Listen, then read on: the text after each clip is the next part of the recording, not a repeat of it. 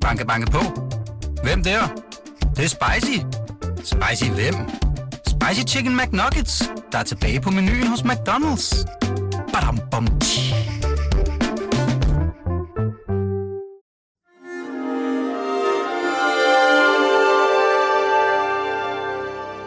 Du lytter til Avistid, en podcast fra Weekendavisen.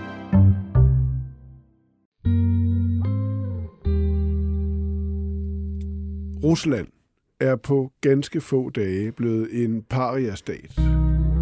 Fordømt og udelukket. Og når vi taler om krigen, så taler vi om Putins krig. Om Putins rationale, om hvad der sker i hovedet på Vladimir Putin. Men hvad med russerne? Hvad mener de? Hvad tænker russerne? De spørgsmål prøver vi at svare på i denne udgave af Avistid we just do what feels right in our hearts and our hearts say to us that we cannot be silent and so people go out and we know that we will be arrested we know all of that Protesterne mod krigen findes, og de vokser, og det er især unge mennesker, som var varter her, som demonstrerer. Søndag gik tusindvis af mennesker på gaden, og det gjorde de i Moskva og i St. Petersborg. Flere russiske byer, 4.000 mennesker blev tilbageholdt. Hvordan er det at være vidne til krigen fordømt af store dele af verden, mens økonomien bryder sammen omkring en? Hvordan er det at være russer og se på sit lands krig mod Ukraine? Jeg kunne starte med at spørge dig, André Kasankov. Du er både russisk og Weekendavisens korrespondent. Velkommen til dig og til Avistid. Du er tilbage i Danmark efter flere rejser til Ukraine, hvorfra du kom hjem for nogle dage siden. Du bor både i Danmark og i St. Petersborg. Hvordan påvirker det dig at være vidne til Ruslands invasion af Ukraine? Jamen, jeg, jeg ved ikke engang, hvor jeg skal starte. Uh, vi kan måske starte med, at uh, jeg var i Kiev jo på det tidspunkt, hvor Putin han begyndte at bombe uh, Kiev, som man jo slet ikke må bombe. Ikke fordi man, man må bombe andre byer, men uh, Kiev er jo en hellig by for alle ukrainere, russere og belarussere. Det er der, vores fælles uh, civilisation et eller andet sted stammer fra. Um, så vælger han at bombe Kiev. Mm. Uh, den sidste, der har gjort det for ham, det var simpelthen Adolf Hitler. Hvordan var det så for dig med din baggrund som russisk? Jamen, det at, var, at være der? det var helt forfærdeligt, fordi at, uh, det blev jo klart, at nu skal, nu skal vi i gang. Uh, russerne skal dræbe ukrainerne. Ukrainerne bliver simpelthen nødt til at dræbe mm. russerne for at forsvare sig. Um, og det er så trist og så forfærdeligt, som det næsten kan være. Jeg har jo venner, som både er ukrainere, russere, mm. belarussere. Langt de fleste af dem græder simpelthen hver dag lige nu. Det gør jeg også. Hvordan reagerede du der i torsdags, da angrebet startede? Øh, jeg, altså utroligt nok, noget af det første, jeg, jeg tænkte på, var, at uh, altså, hvor stor en journalistisk uh, fiasko jeg var. Mm-hmm. Fordi jeg ikke havde, øh, altså, jeg, jeg havde ikke øh, set det her. Og et eller andet sted, jeg tror faktisk, at jeg har gjort vores læsere i Weekendavisen øh, mere parate til det, end, end jeg gjorde mig selv til det. Ikke? Jeg har jo skrevet i avisen, at det kunne ske. Uh, jeg har citeret nogle kilder, der har sagt, at hvis Putin invaderer, mm. så bliver det til og med Kiev. At det er faktisk at det eneste, der vil give mening for ham. Simpelthen at overtage Ukraine, indsætte en Men, men hvad, marionetregering siger, du, du, siger du, du troede ikke rigtigt på det selv? Øh, det, altså, det, både og. Altså, jeg troede på, på det som en mulighed, men, men et eller andet sted inderst inden, så var der et eller andet i mig, der sagde til mig, at det sker ikke. Hvilke tanker og følelser går så igennem dig der forrige torsdag, da, da krigen starter? Uh, vi har jo alle sammen, vi har familie på kryds og tværs. Min mm. oldemor kommer fra Ukraine, for, for eksempel. Det er simpelthen uh, en forbudelse. Og, og så, er det, så havde jeg selvfølgelig tænkt på, uh, hvor meget vi russere har fejlet. Mm. Hvor meget, altså hvordan vi har, i, i modsætning, der, der er en russisk uh, filminstruktør, der engang har, har sagt, vi, vi er jo meget værre end dem fra Nordkorea. Dem fra Nordkorea, de har ikke haft frihed. De har i flere generationer har det, har det kun haft diktatur. Vi har haft øh, mm. en vis form for frihed i 90'erne i hvert fald. Og så har vi simpelthen selv valgt at, at, at få det her tilbage, som, som nu måske bliver lige så slemt, som det var i sovjettiden, hvis André- ikke værre. André, vi kommer tilbage til det med russerne og jeres, hvis jeg må sige det, ansvar. Fortæl lige først om dig selv, øh, for det er der sikkert mange af vores øh, læsere og lyttere, der ikke, der ikke øh, lige ved, hvor, hvor du er født henne. Hvordan, kan, hvordan udfolder din russiske baggrund sig? Nå, men jeg er, for at sige det som det er, jeg er en ganske almindelig russer fra St. Petersborg, uh, hvor, jeg, hvor jeg er født uh, i Leningrad, som det hed dengang endnu, 1982, så jeg er fra den sidste generation, der kan huske mm. sovjettiden der har oplevet, hvordan det var at gå i en børnehave, og få at vide, at Lenin han var min bedstefar, og have et billede af Lenin på, på en hjerte. Jeg har øh, oplevet den der to, fuldstændig totalitære indoktrinering. Mm. Og som øh, de fleste russere, så er altså sådan rent... Øh, øh, i forhold til, hvor mine rødder er fra, så er det meget sammenblandet. Uh, jeg skrev for halvandet år siden, tror jeg, efter at uh, du havde bestilt den, og min farfar, som var en jøde fra Belarus. Uh, så har jeg, altså, som sagt, uh, jeg har også uh, en oldemor fra Ukraine, jeg har en morfar fra Uralbjergene, det er sådan rundt omkring alle mulige steder. Ikke? Min oldefar var også en jøde fra Belarus. Og uh, ikke så langt væk fra, ja. hvor min uh, Men, farfar så, så, André, så André, det at være russer, Altså, det er jo ikke noget, man tænker over hver dag, men du tænker sikkert mere over det i de her dage. Hvordan vil du, hvordan vil du prøve at forklare din russiske identitet? Hvad er det for følelser, der strømmer igennem den? Ja, det, det, det, altså i forvejen er det, kan det være lidt svært for mig, ikke? Fordi det, det er jo gået sådan, at, at da jeg var 17 år, så, så kom jeg til Danmark sammen med min mor, min bror og min danske stedfar, som mm. boede med os i Rusland i 90'erne. Uh, så så jeg, jeg føler på mange måder, at jeg både er russer og dansker. Og jeg har jeg er jo både russisk og mm. dansk øh, statsborger. Allerede der, der, der, der er der ligesom, altså der er flere identiteter, at skulle forholde sig til. Øh, og, og nogle gange så føler man, at man er hjemme begge lande. Man har det godt. Nogle mm. gange så er man udenfor øh, i begge lande.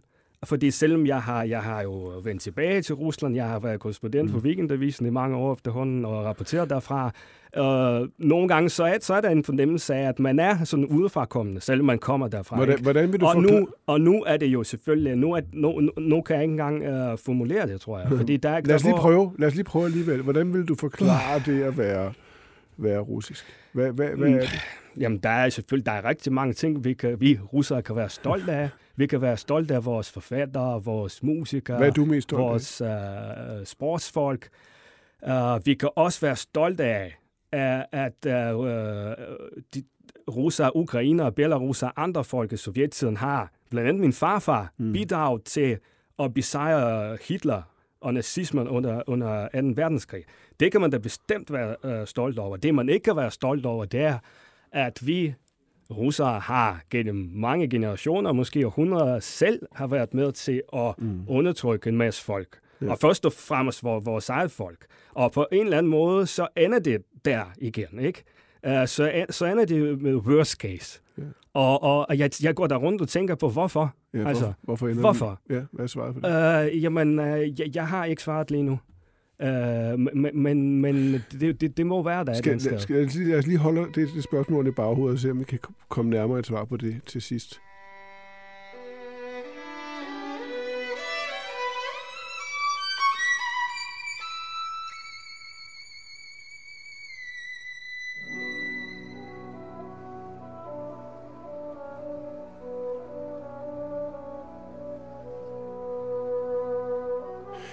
Nu prøver vi at tale om, øh, om det, der sker lige nu, og det gør vi gennem den 22-årige Varvara, som vi hørte først i udsendelsen. Hun er protesteret i Moskva og blev arresteret for anden gang ved en demonstration søndag i hovedstaden. Da vi talte med hende, var hun ikke spor overrasket over invasionen. Prøv at høre, hvad hun sagde. This war is really connected to what Putin always does. It's not a surprise for us, unfortunately. Uh, and we're still in shock, of course, that he actually did it. But we weren't surprised when he threatened to do it because it aligns really well with his propaganda and with his actions inside of Russia. And um, unfortunately, even the old older generations who have a lot of relatives in Ukraine, they still believe Putin, and um, it's really heartbreaking to see basically families uh, breaking because of that and. Uh, parents disowning children, children uh, getting into a fight with their parents is it, it is really like a civil war, to be honest. Hmm. Du taler om en borgerkrig, øh, som trænger helt ind i familien. Er det rigtigt? Uh, det er det jo for nogen. Uh, det er det måske også. Altså, jeg, jeg har... Jeg har nogle slætninger, hvor, hvor jeg ikke har turet spørge dem, hvordan det forholder sig til det mm. her. Ikke? Fordi jeg, jeg, jeg måske tror, at, at de støtter den her militære operation, som det hedder, mod uh, Ukraine og mod Vesten i virkeligheden. Ikke? Altså i de russiske billeder, i den officielle fortælling, så er det jo Vesten, der har overtaget Ukraine og, og, og fjernstyrer Ukraine, forsøger at misbruge Ukraine for at skade Rusland. Ja. Og det er der rigtig mange russere, der jo, der jo tror på. Ja. Øhm, tror de på, øh, tror, tror de fleste russere på Putin, når han siger, at Ukraine er styret af nynazister, og der er et folkemord i gang i det østlige Ukraine? Tror folk på det? Jeg tror, at øh, mange af dem laver sådan en slags, uh, en, en form for dobbelttænkning, hvor man på den ene side måske ved godt, at det er meget overdrevet, og på den anden side faktisk tror på det, fordi mm. man har hørt på det så mange gange, og måske har man selv gentaget det. Øhm, men men øh, vi kan jo se i hvert fald, der er jo nogle meningsmålinger. Der er nogle meningsmålinger, der viser, at han har opbakning hans, til, til hans militæroperation. Jeg mangler lige en meningsmåling fra Levada Center, som er det eneste uafhængige analyseinstitut, uh, Kreml uafhængige analyseinstitut. Men som du ser det, André, hvor, ma- ja. hvor mange russere støtter så Putin og krigen? Altså, du? I forhold altså, til du det tror, her, det er et klart flertal? I forhold, altså ifølge det der meningsmålinger, som vi har set, så er det ja. op til 70 procent. Hvorfor støtter så mange mennesker det her? Øh, fordi de tror på den her fortælling om, at, at altså, Rusland er faktisk i gang med at forsvare sig. Det er jo Vesten, der har angrebet Rusland. Ja. Og Vesten har misbrugt Ukraine øh, i den forbindelse. Og der er jo altså mange af dem, tror jeg, ser slet ikke Ukraine som et selvstændigt land. Mm. Og det her med, at Ukraine er begyndt at føre en helt anden politik, end Rusland, det, det er jo slet ikke noget, det kan forstå. Altså, der er et land, der, der er på spil her. Der må være nogle andre kræfter, der er i gang. Altså, og der er jo, altså det er selvfølgelig rigtigt nok. Altså USA har jo, og Vesten har jo forsøgt at støtte Ukraine, og uh, hvad skal man sige, det er ikke sådan, at hvis man kigger på forskellige revolutioner, som har været i Ukraine rundt omkring i andre lande omkring mm. Rusland, uh, vi, vi har en tendens til at støtte uh, revolutioner, som er sådan pro-vestlige. Ikke? Mm. Og, og hvis der er nogen, der, altså hvis der er nogen af de her pro-vestlige øh, ledere, der, der bagefter bliver lidt korrupte, og der er nogen, der demonstrerer imod dem, så er vi selvfølgelig ikke lige så aktive med at støtte den slags øh, demonstrationer, for eksempel. Men altså derfra til, at, øh, at Rusland simpelthen øh, går ind i Ukraine og forsøger at besætte mm øh, Øst, eller Europas største land, udover Rusland. Mm. Ukraine er jo større end både Frankrig og Tyskland. Ja. André, vi skal høre et øh, klip fra Putins tale øh, fra om morgenen, inden de første russiske styrker kørte ind i Ukraine. Мною принято решение о проведении специальной военной операции. Ее цель защита людей, которые на протяжении 8 лет подвергаются издевательствам, геноциду со стороны киевского режима. André, hvad, hvad er Vladimir Putin, som du kender ham og har fulgt ham i så mange år, hvad er hans rationale nu? Ja, uh, der er jo tre teorier om, hvor, hvorfor han gør det her. Den, e- og to af dem tror jeg på, den ene tror jeg ikke så meget på. Mm. Uh, den, som jeg ikke tror så meget på, det er, at han gør det her for at, ligesom at udelukke muligheden for en demokratisk udvikling i et naboland. Ja. Uh, fordi at så kan det sprede sig til Rusland, og det er farligt for ham. Uh, grunden til, at jeg ikke tror på det, det er, at han jo ikke tror på demokrati. Han tror ikke på, at demokratiet findes. Mm. Han er fuldstændig overbevist om, at det, vi har i Vesten, det er nogenlunde det samme slags system, som han har, og så skjuler vi det bare bag uh, sådan rent symbolsk med, at, at det okay. er faktisk demokratisk i virkeligheden. Så når og jeg man, har skrevet i alle mulige ledere, ja. at han forsøger at undgå, uh, at de bliver smittet med den demokratiske syge i, i, i, i der altså, har blandt din, russerne, så er det ikke rigtigt. Der har din korrespondent tænkt, ja. at uh, Krasnik, du er, der, du er der fuldstændig galt på den. Ikke?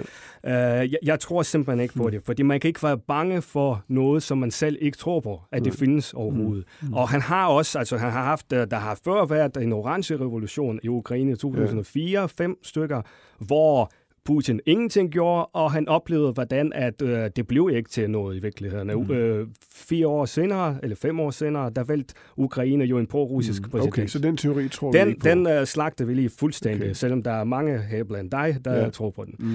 Uh, så er der to teorier tilbage. Den ene, det er uh, det her med, at han ikke vil have NATO ved sine grænser, og han er faktisk oprigtigt bekymret for, at det giver NATO en, en fordel, hvis, hvis det kommer så tæt på Ruslands grænser. Ikke? Mm. Jeg, jeg tror, at han oprigtigt tror på det, og han har faktisk altså nogle af hans argumenter med, at USA ikke vil tillade Canada og Mexico en, at være en militær alliance med Rusland og Kina. Mm. Der, der er noget om det det må jeg sige. Der er også noget om, altså forestil dig... Altså den dobbeltmoral, som han siger. Øh, nej, men det, det er bare sådan, altså, ja, dobbeltmoral, eller i hvert fald, det, det er, der er noget om, at det er sådan, stormagter opfører mm. sig. Så når Putin siger, at, at han ønsker ikke et aggressivt NATO tæt på Rusland, så forstår du på en eller anden måde godt hans rationale. Ja, det tror jeg gør også, fordi at, altså, han kigger på, at, at vi har været i Irak, Afghanistan, uh, Libyen, ja. vi har uh, Bush uh, Junior, han har skrottet aftalen om, at man ikke mm. uh, må have lavet et missilskjold og sådan nogle ting. Og han, han er, jeg tror, han er, han er fuldstændig overbevist om, at USA i virkeligheden kommer efter ham. Mm. Okay. Og så...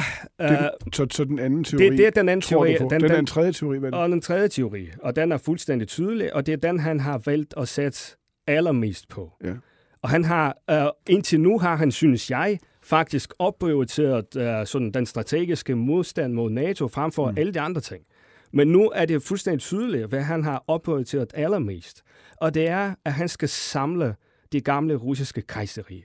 Han skal samle Rusland, Belarus og Ukraine, måske også Kazakhstan, måske også nogle andre lande, sådan som blandt andet uh, den russiske forfatter Alexander Solzhenitsyn ja. har, har foreslået det for omkring 30 år siden, at det var ligesom fremtiden, okay, slut med Sovjetunionen, vi skal ikke længere have alle de her centrale asiatiske republikker, men kernen, de mm. slaviske folk, de ortodox kristne, dem, der taler russisk, det skal selvfølgelig være en, sammen, en samlet stat. Hvad så med Baltikum?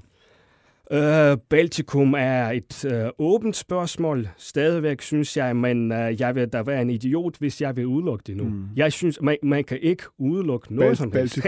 Hverken Moldova eller Baltikum kan føle sig sikre. Og Baltikum hører med til, til det russiske rige, hvis, hvis det er sådan, man ser på det, hvis denne tredje teori er den rigtige. Uh, ja, kommer an på, hvordan, uh, hvordan han ser på det, kommer an på, hvor godt det, det øvrigt går ham. Mm. Hvor, meget, hvor meget modstand han nu møder. Altså, nu går Rusland Ruslands økonomi jo, altså Ruslands økonomi kollapser fuldstændig, og det går ikke ret godt med, med krigen i Ukraine for ham lige nu. Mm. Men principielt er der ikke noget uh, i den tankegang, der, sådan, uh, der taler imod, at han også skal tage, eller forsøge uh, at tage uh, Baltikum på et tidspunkt. Okay.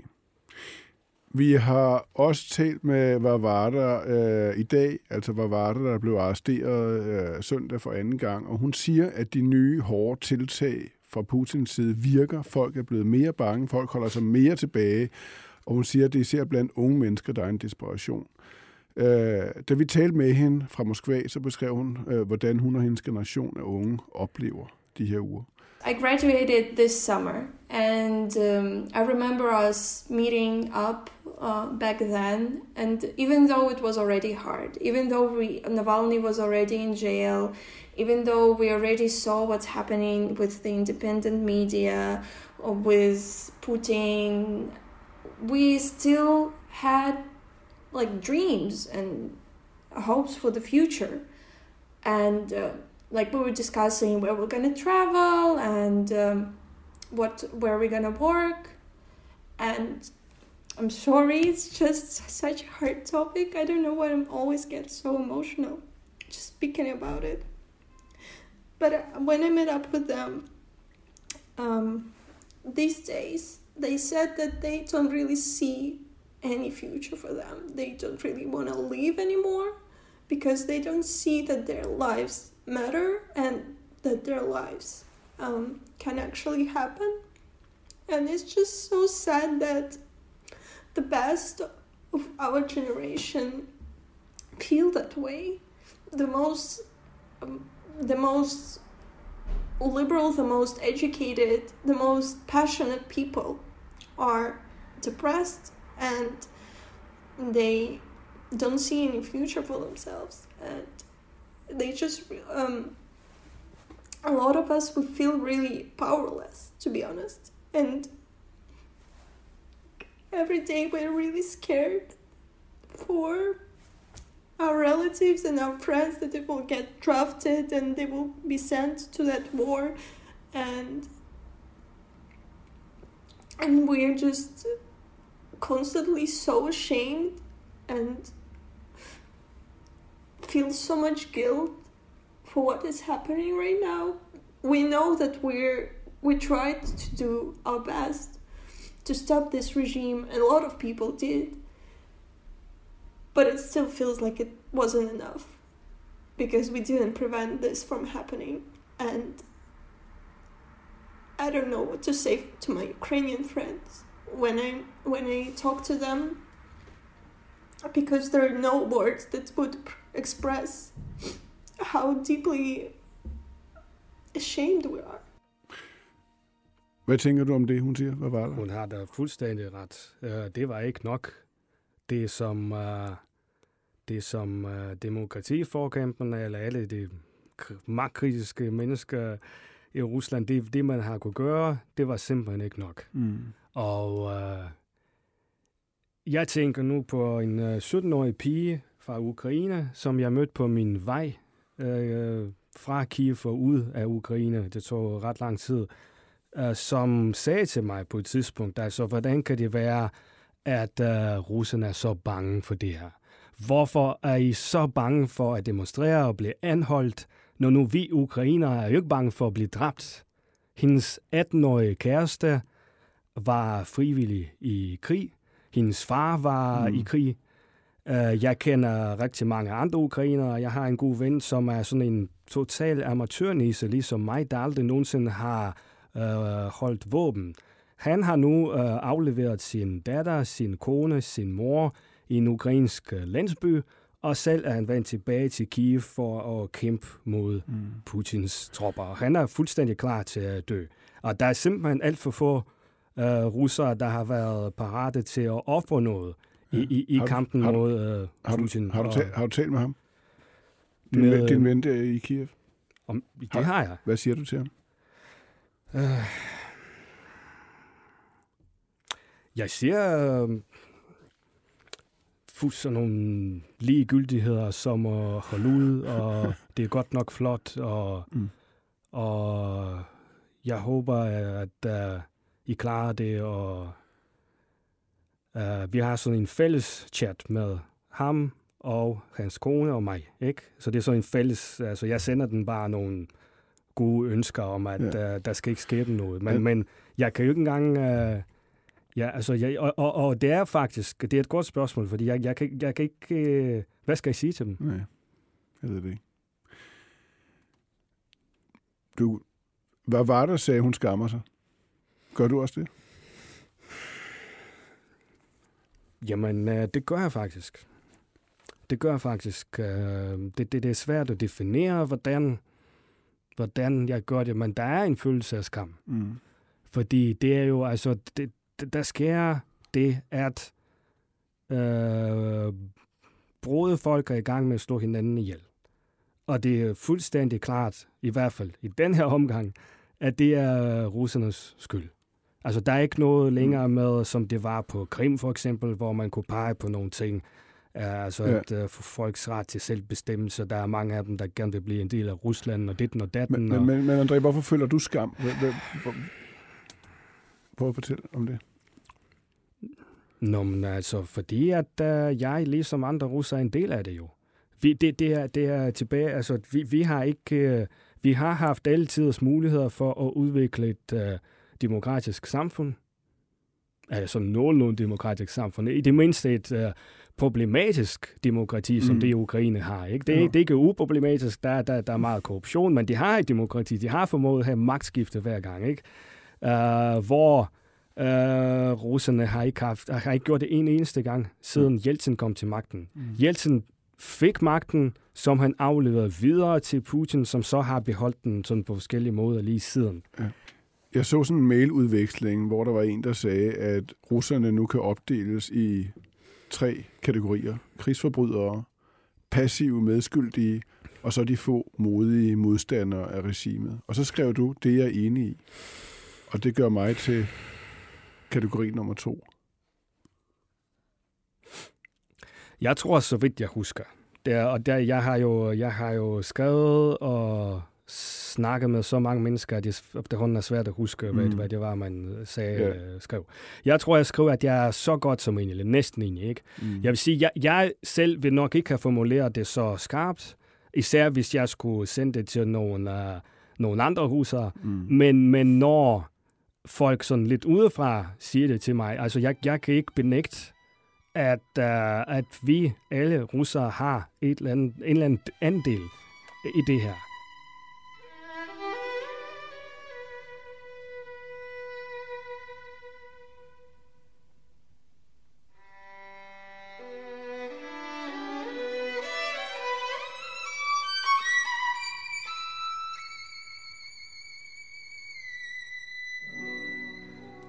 Hvordan, som du ser det, reagerer russerne nu, hvis man kan tale om det på den måde, på den massive stramning, der er fra omverdenen, økonomisk, politisk, boykot øh, osv.?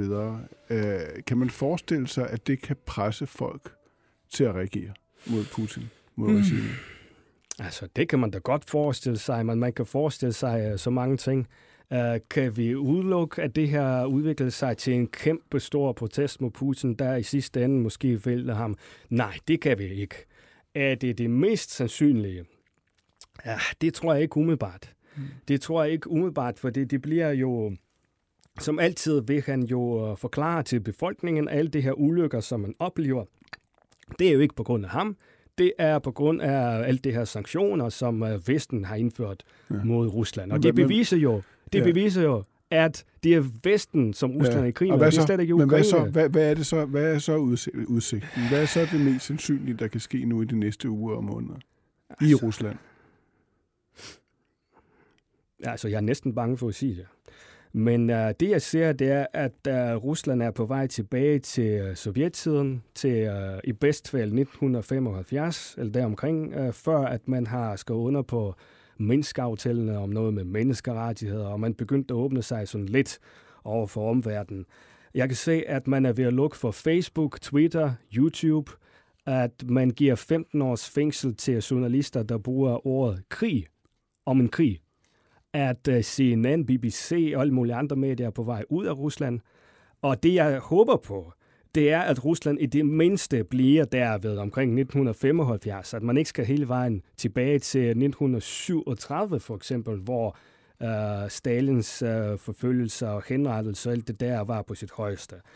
Eller til øh, tiden omkring sådan 1917 og nogle år frem, hvor efter den russiske revolution, der reelt var en borgerkrig.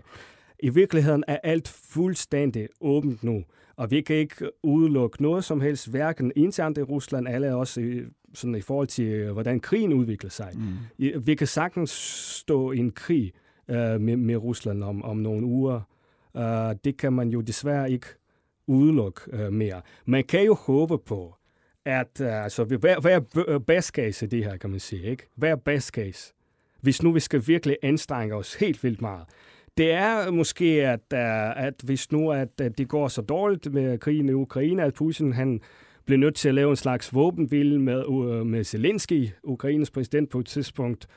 Hvis Zelensky kan gå med til, hvilket også vil være næsten altså, umuligt at forestille sig, hvis han kan gå med til, at Putin så kan få Krim mm. eller noget andet. Sådan at der er en mulighed for Putin at bakke ud af det her. Ja. Men, men sanktionerne vil, vil jo stå ved. Rusland vil være fuldstændig isoleret, mere end Sovjetunionen nogensinde var isoleret. Sovjetunionen var ikke smidt ud fra alle de her sportslige konkurrencer, for eksempel, mm. sådan som Rusland er blevet. Så jeg tror, mere forfølgelse, mere undertrykkelse internt i Rusland, næsten uanset hvordan det ellers går, og så, altså, så diskuterer mange jo om, hvorvidt der kan komme et kup ja. mod Putin. Ikke? Og det, det, det kan man jo ikke udelukke, men, men man, kan, man kan heller ikke udelukke, at han, han formår at bevare magten, mm. ligesom han altid har gjort. Vi skal lige høre, hvad var der her til sidst igen. Hun fortalte også, hvordan håbet er trukket ud af, af hendes generation, og hun forklarede det sådan her. A lot of protesters, they don't feel anything anymore. They just kind of dissociate and they're deeply depressed because I've I've started protesting not that long time ago. There are people who who are older than me and they've been protesting for like 15 years. Hmm. And they see how their friends get killed for their political views. They, they see that their friends are in jail, arrested all the time, that their friends just flee the country because there is no other option. And we just, we really don't know what, what to do anymore. And we try to stay hopeful and we try to encourage other people to stay hopeful but inside we understand that there is very little very little change a chance that it's going to change André, det er jo næsten ikke til at bære at høre på det her, for det er jo, det er jo for sådan nogle mennesker her, det skulle komme. Øh, kender du den mis, mismo, apati, håbløsheden for din egen omgangskreds og for dig selv? Ja, det må jeg sige ja til. At der er rigtig meget fortvivlelse, øh, desperation, tristesse. Øh, der er ikke så meget kampgejst mm. blandt øh, det er trods alt forholdsvis mange unge mennesker, der ikke støtter øh, det, som øh, det russiske magthaver er i gang med lige nu. Uh, så det er svært at tro på, at, uh, at uh, det er den russiske befolkning, der, der vil gøre uh, der vil, der vil skabe nogle forandringer nu her. Mm. Sanktionen er selvfølgelig, øh, altså, det, det, det kan godt være, at verden ser helt anderledes ud, når ja. Ruslands økonomi er fuldstændig smadret om en måned. Har du, Men har du det lige på samme nu, måde? så er det lidt, uh, så er det lidt sort. Har du også den fornemmelse af håbløshed? Det har jeg da haft lige siden um, natten til torsdag. Mm. For halvanden uge siden, klokken cirka, jeg tror, at klokken var måske halv fem ukrainsk tid, da Putin han begyndte på sin tale, som jeg så direkte. Mm. Og før han begyndte at bombe, der, der vidste jeg, altså der kunne jeg godt se, at vi ikke var ude i, at han bare skulle have noget af Øst-Ukraine, altså han skulle have hele Ukraine. Mm. Og det, det, det er jeg fuldstændig overbevist om, at det er det, han går efter. Altså selv, selv uh, de værste forudsigelser fra Biden-administrationen for eksempel, var jo, at han skulle have syd, hele Sydøst-Ukraine, hvilket er meget, det er halvdelen af deres land, og Kiev. Uh, jeg tror, at han gerne vil have alt, inklusiv uh, Vest-Ukraine, sådan at han også kontrollerer grænsen der til, til NATO, og der ikke kommer våben til Ukraine, og han kan få stoppet den der krig, og han kan mm. få hævn over de her forbandede ukrainere, som, som ikke har opført sig sådan, som han har ønsket, at de skulle opføre sig. Vi hørte lige om, øh, hvad var deres følelse af håbløshed. Du plejer jo at rejse til Rusland hele tiden, og du bor en stor del af tiden i St. Petersborg. Hvad, hvad nu? Jamen nu er det sådan, at øh, jeg kan jo oplyse dig, Martin Krasnik, at du ikke længere har en øh, Rusland-korrespondent. Nu har du i bedst fald en øh, Rusland-jagttager. Uh, for uh, altså, som sagt, så er vestlige medier i fuld gang med at lukke og slukke i Rusland, fordi nu kan man få 15 års fængsel for det, jeg allerede har gjort. Jeg har da skrevet om krigen mm. i avisen, for eksempel. Uh, det betyder selvfølgelig ikke, at, altså, sådan, at så snart jeg eller en anden journalist fra Vesten lander i Rusland, så bliver vi anholdt. Uh, men men uh, risikoen er der jo. Og du vil, og, så du vil ikke kunne tage tilbage fra arbejde? Jeg synes ikke, at, uh, at uh, det vil være forsvarligt, sådan som det er lige nu. Og det, jeg kan være bange for, det er selvfølgelig, at det her kan vare i, i ret lang tid. Og det kan blive ligesom i sovjettiden, hvor ja. sådan nogle folk, som er kommet ud af Sovjetunionen, ikke, kommer tilbage. ikke reelt har muligheden for at vende tilbage. Ikke engang for at besøge deres uh, familie. Hvad, tænk, og, hvad tænker du om det? Uh,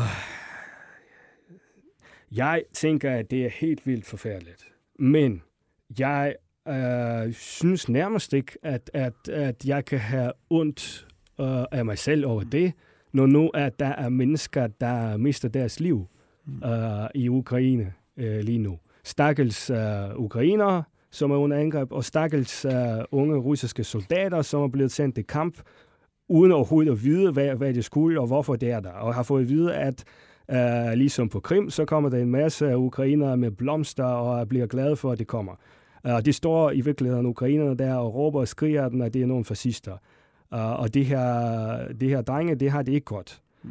Uh, så der er nogen, der har det langt værre øh, end jeg har det. Jeg græder over det, øh, der sker, også fordi jeg ikke lige umiddelbart kan se en ende på det. Jeg, jeg, jeg kan se, at det kun kan blive værre og værre, desværre.